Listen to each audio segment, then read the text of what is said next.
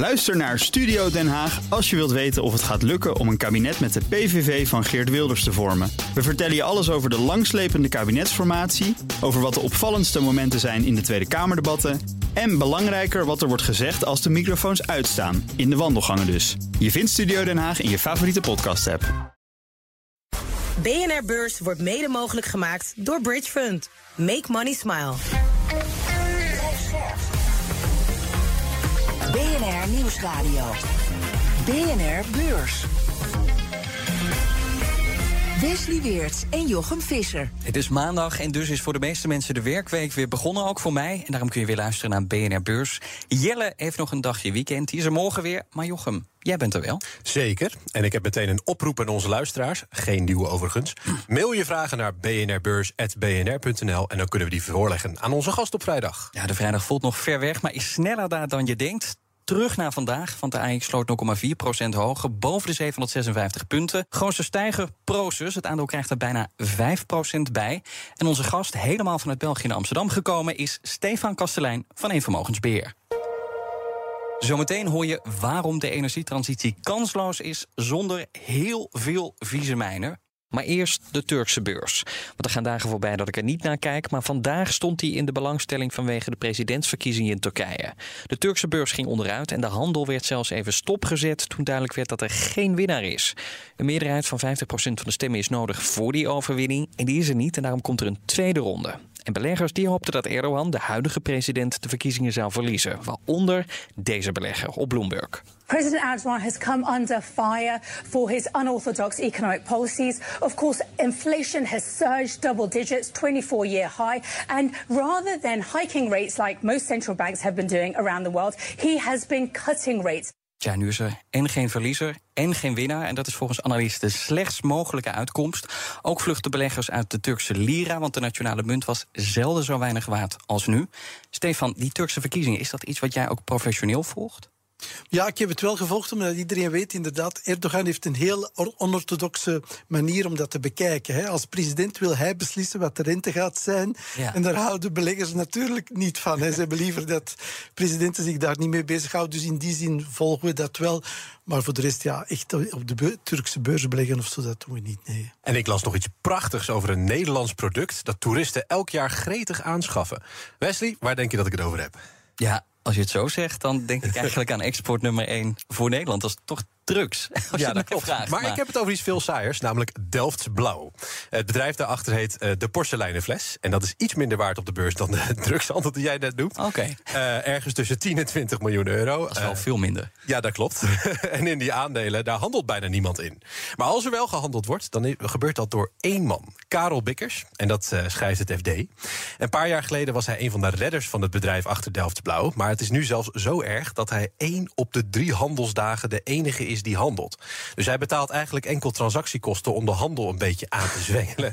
en dat noemt hij dan sociaal werk. Eh, gaat niet heel lang meer duren, want morgen wordt hij waarschijnlijk voor het laatst benoemd als commissaris bij de aandeelhoudersvergadering van de porseleinenfles. Nou, dan iets anders, want hij wil maar niet komen. Die recessie en de angst dat Europa op korte termijn in de recessie belandt... is inmiddels zelfs zo goed als verdwenen. Want de Europese economie blijft namelijk goed overeind... en de groeiverwachtingen die worden opgekrikt. Voor dit jaar wordt gerekend op een groei van 1,1 procent. Zo blijkt uit de nieuwste prognoses van de Europese Commissie. Maar dat betekent ook dat de hoge inflatie veel hardnekkiger is dan voorspeld. Centrale banken proberen natuurlijk onze economieën wat af te remmen... om zo de inflatie onder controle te krijgen. Maar waarom lukt dat maar niet echt, Stefan? Ja, de vraag is, lukt het nu wel echt? Die, de inflatie komt van twee bronnen. Eerst was de, de supply chain in, in de war. En dan hebben we natuurlijk enorme stijging gehad van alle grondstoffenprijzen, olie en gas. Maar eigenlijk zijn die twee zaken toch wel voorbij. Dus die twee aanstokers van die inflatie zijn toch eigenlijk wel voorbij. Het zijn nu natuurlijk de secondary effects, zoals men zegt. Ja, dus we hebben uiteraard allemaal prijsstijging gezien. Kunnen we het direct ook nog over hebben. Maar ja, dat zijn de ach- achtervolgende effecten. Dus in mijn ogen zal die inflatie wel lager gaan. Ik denk dat, dat we daar nog een beetje tijd voor moeten nemen. Die, die beweging is, eh, is ingezet. En dat is misschien ook wel een van de redenen waarom het er toch iets beter uitziet dan wat sommigen denken. En na een decennium aan ultralage rentes zijn we natuurlijk niks meer gewend. Eh, banken overigens ook niet, merkten we in de voorgaande maanden. Je verhoogt een beetje en dan vallen ze allemaal om. Maar als je denkt dat 5% veel is, reis dan eens naar Argentinië. Daar wordt de rente verhoogd naar bijna 100%, omdat het land in een zware economische crisis zit. 100%? Hè? Ja, en, eh, ik moet zeggen eh 97, dat is het nu. De rente wordt eh, vandaag aangekondigd met 6% verhoogd. Kijk, dat soort stappen kun je ook nog eens nemen. Maar de inflatie is in, in Argentinië enorm hoog. Dat, zo hoog zelfs dat wie voor een peso geboren is... over twee maanden nog maar een kwartje is. En dat heeft alles te maken met de gigantische schuldenberg. En de enige manier om dat weg te werken... zou dan het devalueren van de eigen munt zijn. Dan stroomt het buitenlandse geld toe. Kunnen de inkomsten weer, inkomsten weer wat omhoog. Maar dat kan nu niet, want ook daar staan later dit jaar verkiezingen gepland. Het cijferseizoen loopt op zijn einde. Vooraf werd gevreesd voor slechte resultaten vanwege de bankencrisis en de energiecrisis. Maar ja, kunnen we nu opgelucht ademhalen? En voor hoe lang? Want wat wordt de grote bedreiging bij de volgende kwartaalcijfers? Maar eerst gaan we naar de grootste overname ooit in de goudsector. De deal is goed voor bijna 18 miljard euro. En misschien is goud niet eens de belangrijkste reden voor deze miljardendeal. Nee, het draait vooral om koper. Dat metaal is onmisbaar in de energietransitie. Uh, windmolens, elektrische auto's, alles zit er vol mee. Maar er is een groot tekort. En daarom steven we de komende jaren af op een heuse kopercrisis. Nou, en vanwege dat tekort neemt het ene na het andere bedrijf elkaar over. Het Amerikaanse Newmont is al de grootste in goud. Maar nu wil het ook de grootste worden in koper. En daarom koopt het het Australische Newcrest. En daar betaalt het dan ook dik voor. Ik zei het al, zo'n 18 miljard euro. Stefan, waarom komt die deal juist nu, op dit moment?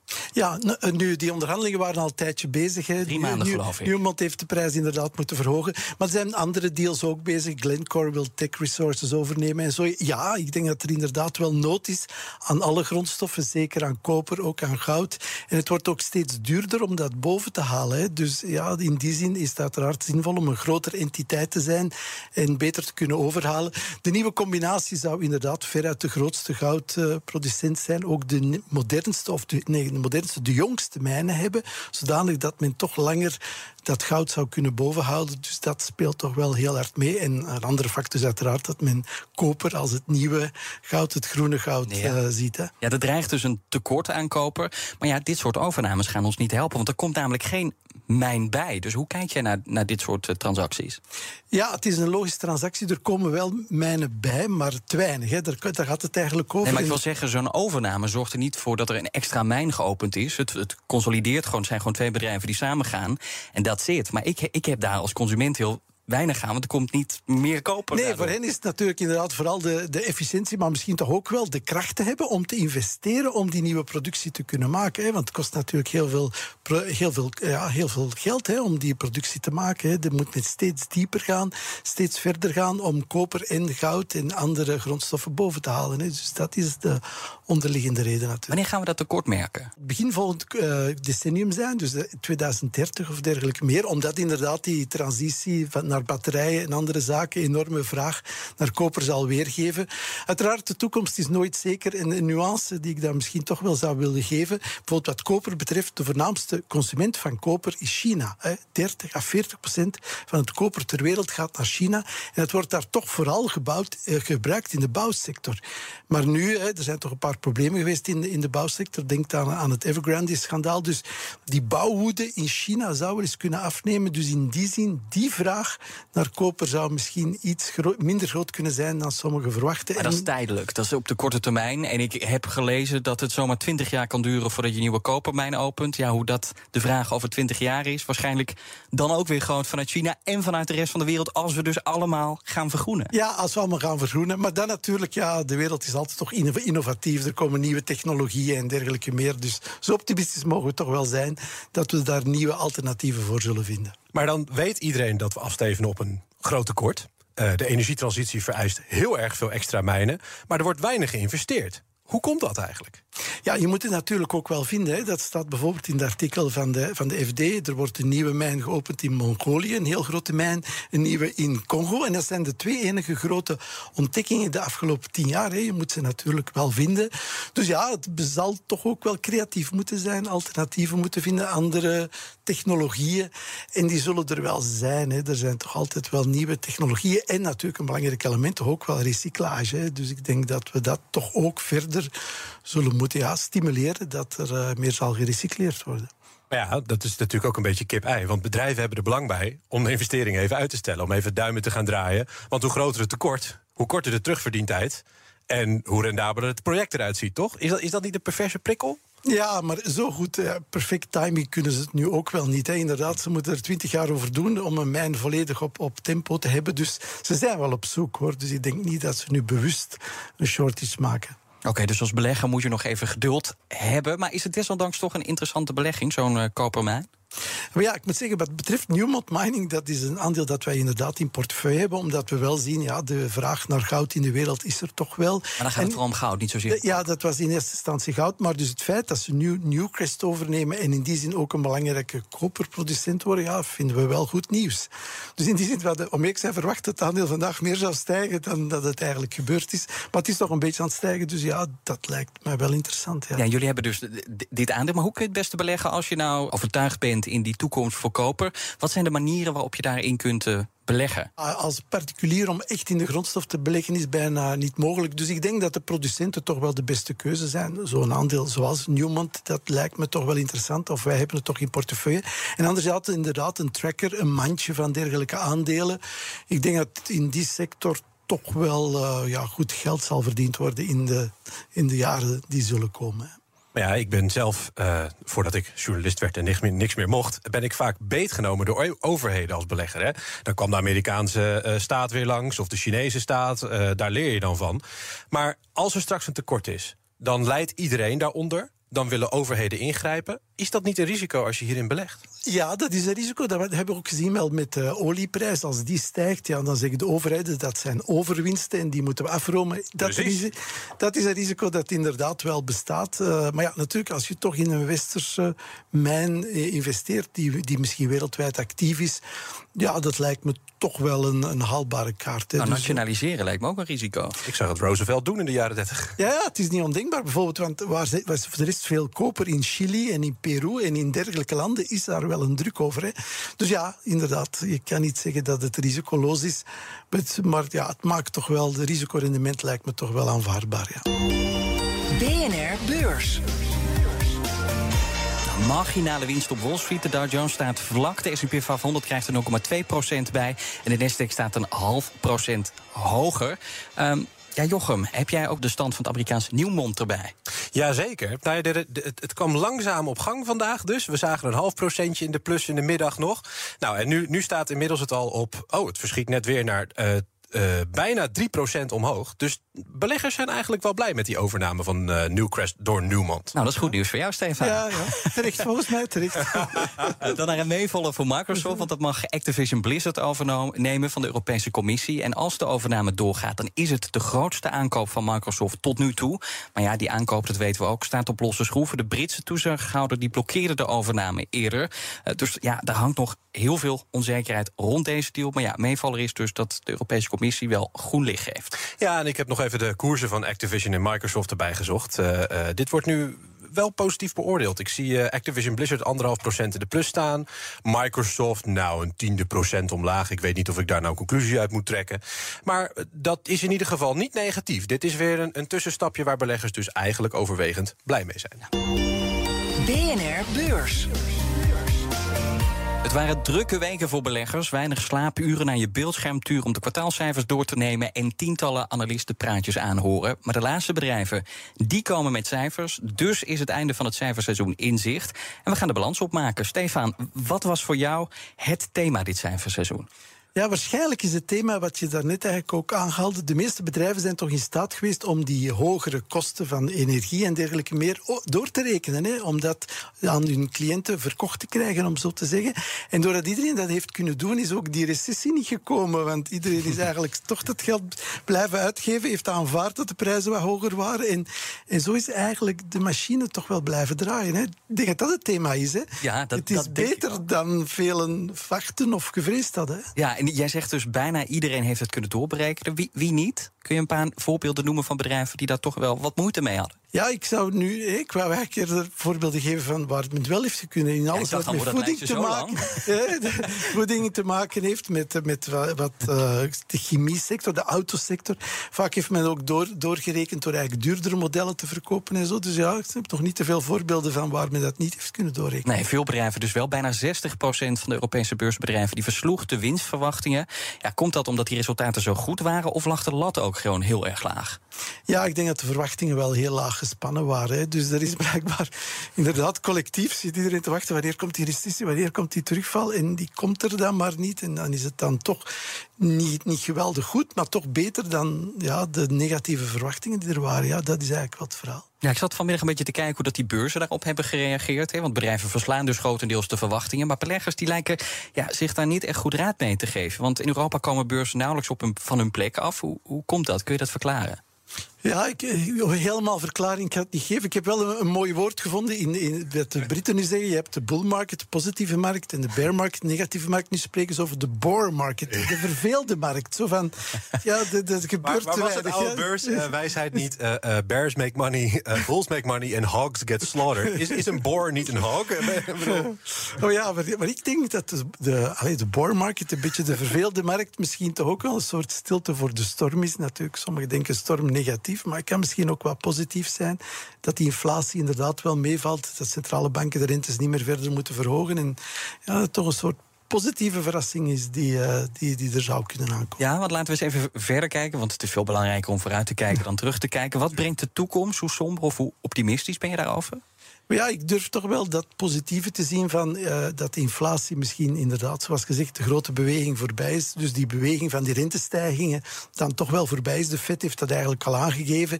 En de ECB twijfelt nog een beetje, maar ik denk dat de ECB misschien toch niet, ook niet zoveel meer de rente moet, moet verhogen.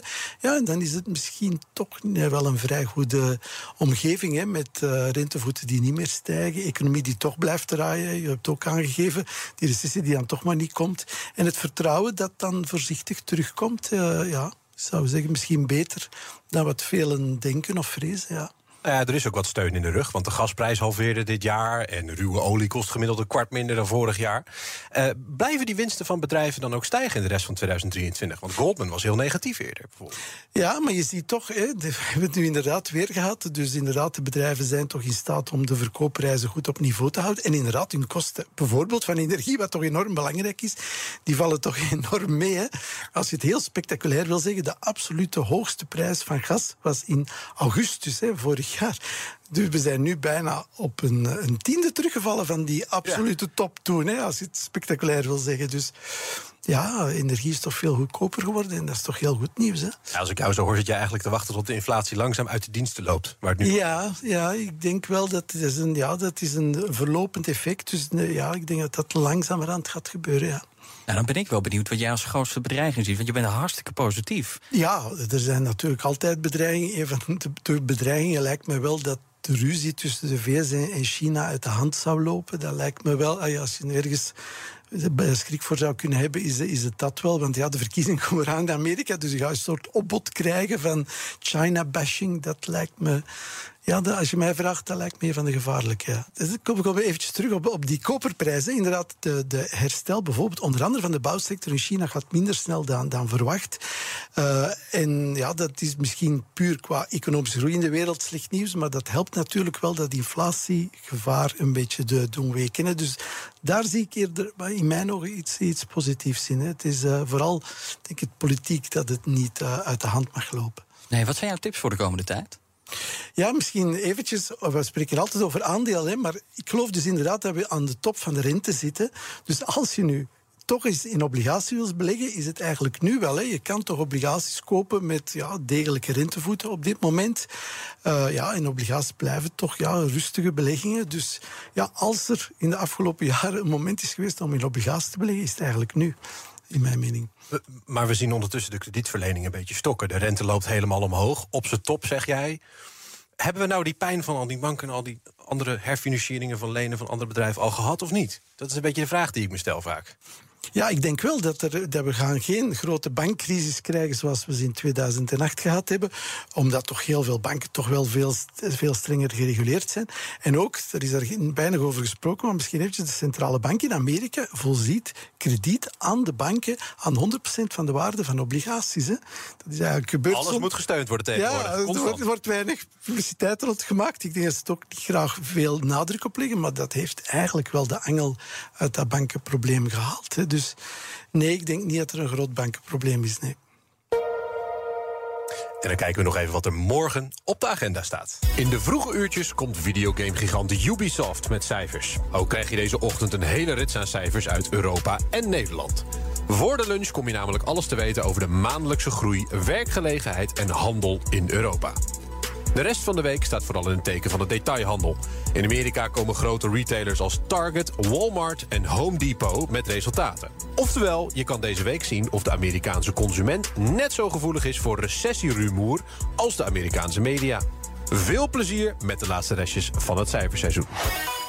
Na elke aflevering vragen we onze gast om een tip. Iets dat je kan gebruiken dit cijferseizoen. Stefan, jij hebt al heel veel tips gegeven. Maar tot slot, is er nog iets wat je misschien niet hebt genoemd... of wat je nog een keer wilt benadrukken aan de luisteraren? Tot slot, aan het eind van deze aflevering. Ja, als je de laatste idee hebt, ik denk wel dat eigenlijk algemeen de chipsector toch nog altijd wel heel belangrijk is. Heel die energietransitie betekent toch dat er in heel veel machines, zoals auto's en andere, extra heel veel chips gaan voorkomen. Ook artificiële intelligentie verbruikt eigenlijk ook heel veel eh, chips. Dus ik denk, ja, dat is toch nog altijd wel een heel belangrijke sector om naar te kijken. Ja, we kijken nu naar een dipje in die chipsector... maar jij verwacht dat dat snel herstelt het Ja, tweede helft van het jaar. in- In mijn ogen wel, ja. ja. Nou, dankjewel Stefan Kastelein van Eén Vermogensbeheer.